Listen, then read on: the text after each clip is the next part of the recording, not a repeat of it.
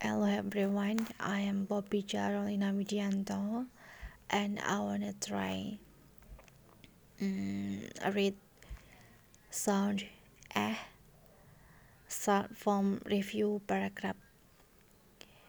Okay. The attack began at noon and reached a climax at about 3 o'clock. Shortly after this, our infantry, led by Captain Anders, advanced slowly.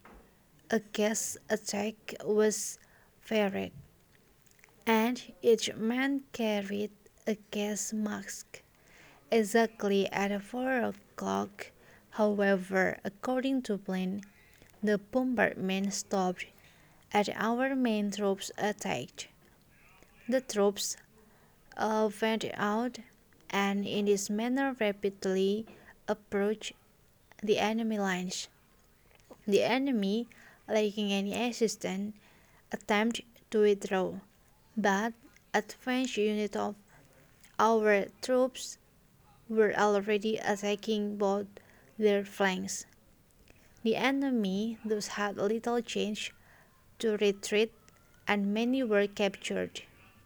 The entire action was accomplished exactly according to plan. And Captain Anders, who had actually planned the attack, was praised by the High Command for his admirable work. Okay, that's all from me.